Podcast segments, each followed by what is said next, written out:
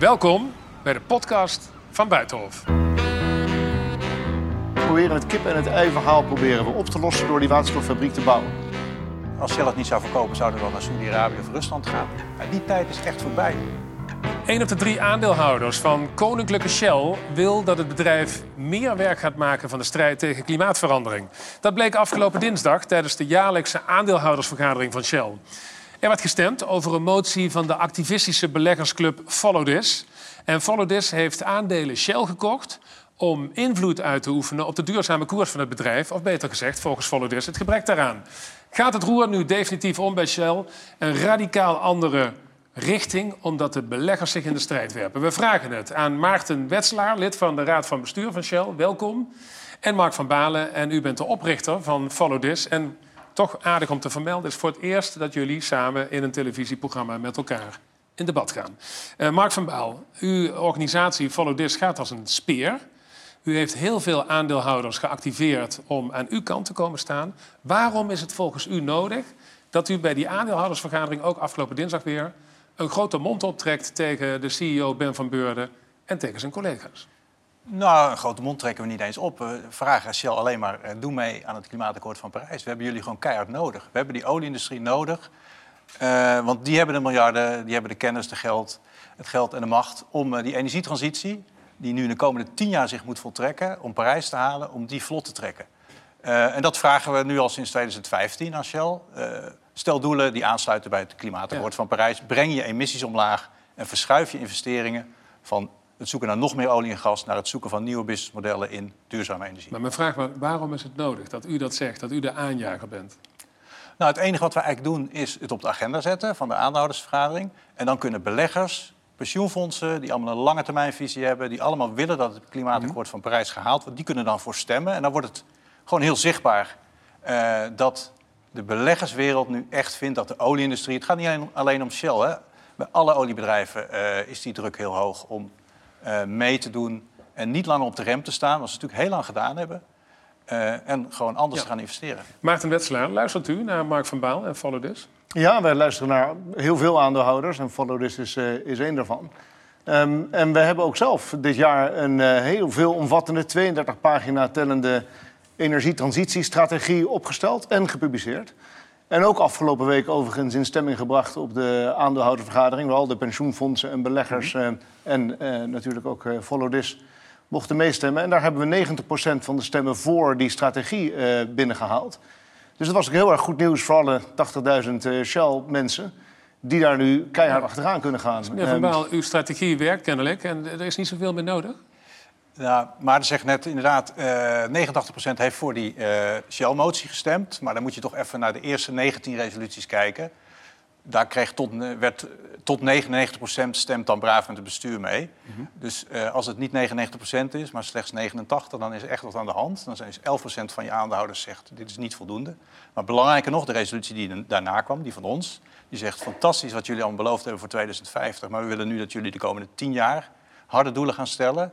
Als die 30% krijgt, ja, dan is er echt wat aan de hand. En dan uh, is er dus een derde van de aandeelhouders die zegt... fantastisch wat jullie allemaal beloofd hebben voor 2050...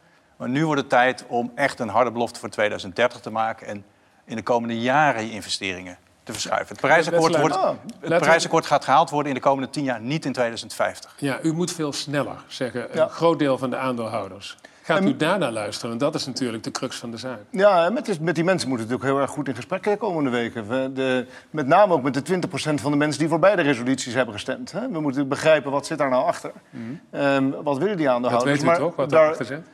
Uh, wat zit daarachter? Laat ik het aan u vragen. Nou ja, daar zit waarschijnlijk misschien wel achter dat ze vinden dat de resoluties erg op elkaar lijken. Maar wacht even. Uh, dus ze vinden het allebei goed. Uh, laten we um, niet in, in maar... mist praten. Het gaat natuurlijk over de verduurzaming van uw bedrijf en andere oliebedrijven. En ik vraag het natuurlijk specifiek. Is het niet zo dat die aandeelhouders tegen u zeggen...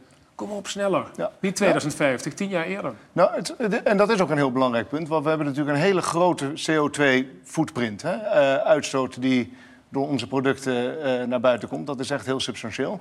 Uh, en we hebben dus inderdaad een strategie gepubliceerd... die ons op nul brengt in of voor 2050... En die voor de korte, middellange en lange termijn doelen stelt om die, die, die route in de gaten te houden. En het is ook nodig, want onze uitstoot is 1,7 gigaton broeikasgas. Gigantisch. Eh, dat is tien keer zoveel als Nederland.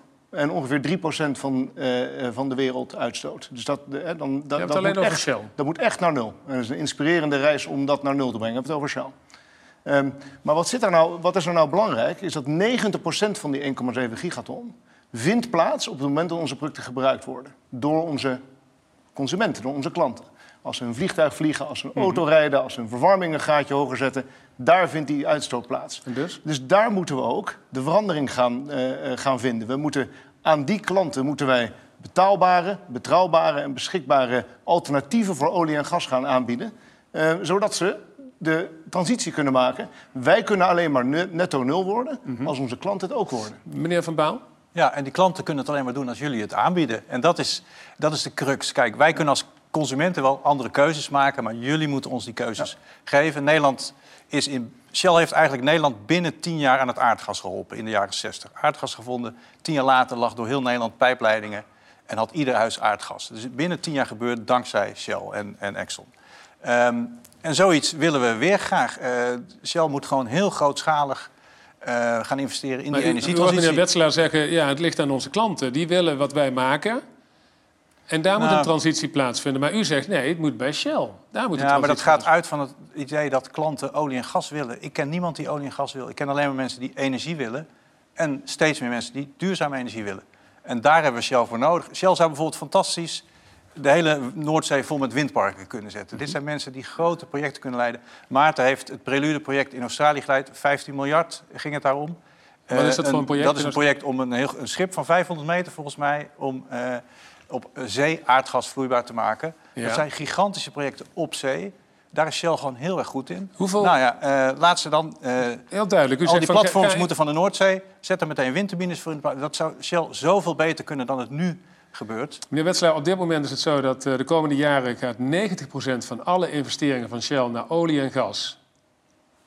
Nou, 7, Nou ja, dat is, dat is 97, niet het juiste procent. Maar, 97%. 97 procent. Ja. Nou, dat is ook niet het juiste percentage. Wat is het dan wel? Ehm, nou, dat is ongeveer eh 2 tot 3 miljard gaat er naar eh, hernieuwbare energiebronnen. En Nou, we hebben in totaal 22 Ik miljard. Hè, dus dan zit je aan... We hadden het even over olie en gas. Hoeveel, hoeveel procent is volgens u de investering van Shell wat naar olie en gas gaat? Nou, iets, eh, iets meer dan de helft, 60 procent ongeveer.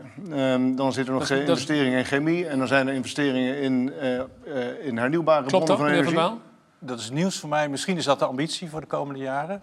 Nou ja, het Maar staat dat in die energietransitie Dat het nu al eh, zover is, strategie eh, dat eh, verrast mij. Ja. Ehm, mooi. kijk, Shell heeft inderdaad beloofd de komende jaren. Afgelopen jaar was het investering in duurzaam was 3 miljard van de ruim 100. Dus 3 procent. 3 miljard van de 19 afgelopen jaar, meneer Van Baal. Ehm, Eh, kan, ik u het rapport... 2020. We hebben afgelopen jaar 19 miljard geïnvesteerd en waarvan 3 inderdaad. In, in, eh, dus dat, dat 3 klopt, maar de 100... Oké, eh, dus u zegt het is veel maar meer. Het is maar nog het is niet genoeg. Daar, niet genoeg. daar ben ik mee eens. En ik ben ook met eh, meneer Van Baal eens dat wij heel veel windparken moeten bouwen. Van de afgelopen drie die er in Nederland zijn aanbesteed, hebben we er twee gewonnen. En hebben we er één gebouwd en de andere zijn we aan het bouwen. Dit jaar wordt er geen aanbesteed. Dus we moeten natuurlijk wel een beetje roeien met de riemen die we hebben. Ja. Maar het, eh, het, eh, het belangrijkste punt is dat wij dus voor om die klanten die, die oplossingen moeten vinden die wel schoon zijn. En samen met die klanten de energietransitie door moeten. Dat verschilt per sector. Ik zal je een voorbeeld geven. Bijvoorbeeld passagiersauto's kunnen allemaal elektrisch rijden. Dat, die, die oplossing bestaat. We hebben al 65.000 laadpalen in Europa geplaatst en die opereren. En dat willen we naar een half miljoen brengen. Dat gaat wel lukken. Maar eh, nu een andere sector, want de, de transitie is niet makkelijk in sommige sectors. Hè. De luchtvaartindustrie en, de, en, eh, en eh, het vrachtverkeer, daar moeten echt hele lastige transities plaatsvinden.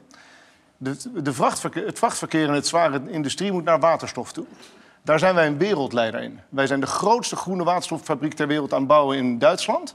En we zijn de bouw van een twintig keer grotere fabriek in Rotterdam aan het voorbereiden. Oké, dus u zegt met andere woorden, we, doen er alles aan. Het gaat hartstikke snel voor Shell.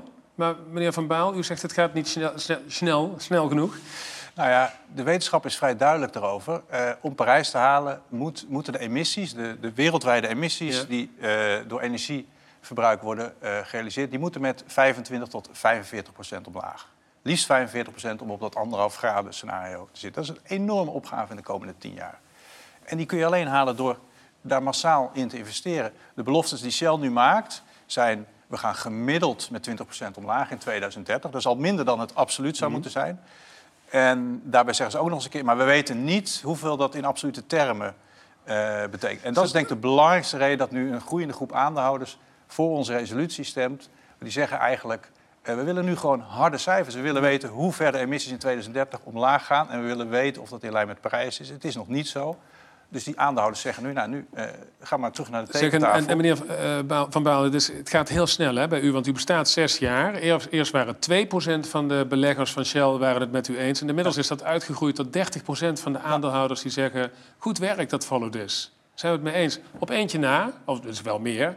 maar een grote reus in dit bastion, die doet niet met u mee. Pensioenfonds ABP. Ja, helaas nog steeds niet. Waarom doen die dat? Die hebben zich wel onthouden. Dat is, dat is op zich al een stap. Hè? Want Shell zegt eigenlijk tegen al zijn beleggers... je moet tegen ja. je moet ons steunen door tegen te stemmen. Dus als ze niet tegenstemmen, geven ze al een signaal af. Maar het is natuurlijk heel jammer dat het grootste Nederlands pensioenfonds... Waar, waar, de druk van de deelnemers heel groot is om helemaal fossielvrij te gaan... Ja. dat die dan zeggen, nee, we blijven, uh, we blijven die aandelen houden... Want we willen invloed uitoefenen. En als ze dan eindelijk invloed kunnen uitoefenen, doen ze het niet. Dan doen ze het niet. Maar het is, het is wel belangrijk om te weten dat er is geen enkele grote belegger in Nederland die nog tegen onze resolutie stemt. Nee. Uh, die, dus de, de, meerderheid stemt voor en een aantal onthouders. U heeft de wind mee, letterlijk. Uh, meneer Wetselaar, even terug naar een, uh, een ouder fragment, een interviewfragmentje, heel kort even. CEO Ben van Beurden, uw collega bestuurslid, die gaf in 2016 een interview aan Nieuwsuur.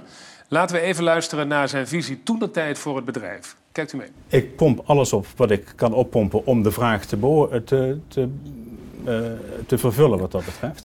Vijf jaar geleden. Ik pomp alles op wat ik kan oppompen. Dat ging over olie en gas. Dat was voor onze resolutie ter stemming kwam. Juist. Is dat nog steeds het, de visie van Shell, wat, wat Van Beurden toen zei? Nee, de visie van Shell is dat wij onze olieproductie gaan terugbrengen. Dat hebben we in die strategie die we deze week hebben aangekondigd. En nogmaals, uh, met een hele overgrote meerderheid is goedgekeurd. Um, hebben we aangekondigd dat we onze olieproductie gaan terugbrengen. 1 tot 2 procent per jaar in de komende 10 jaar. Uh, dus dan pomp je niet meer alles op wat je op kan pompen. Maar uh, het, het, belangrijkere punt is dat um, wij hebben elk jaar ongeveer een 500 miljoen klanten. Sommige mensen kopen maar één keer per jaar iets van ons, sommige elke dag. Die, die groep is van levensbelang voor het bedrijf. Maar die, en die moeten we vasthouden. er zijn twee manieren om ze te verliezen. Eén is om ze geen schone alternatieven aan te bieden, want dat willen ze allemaal, helemaal met meneer Van Baal eens. Maar de andere manier is om op te houden met ze olie en gas aan te bieden. Want dat kopen ze vandaag van ons.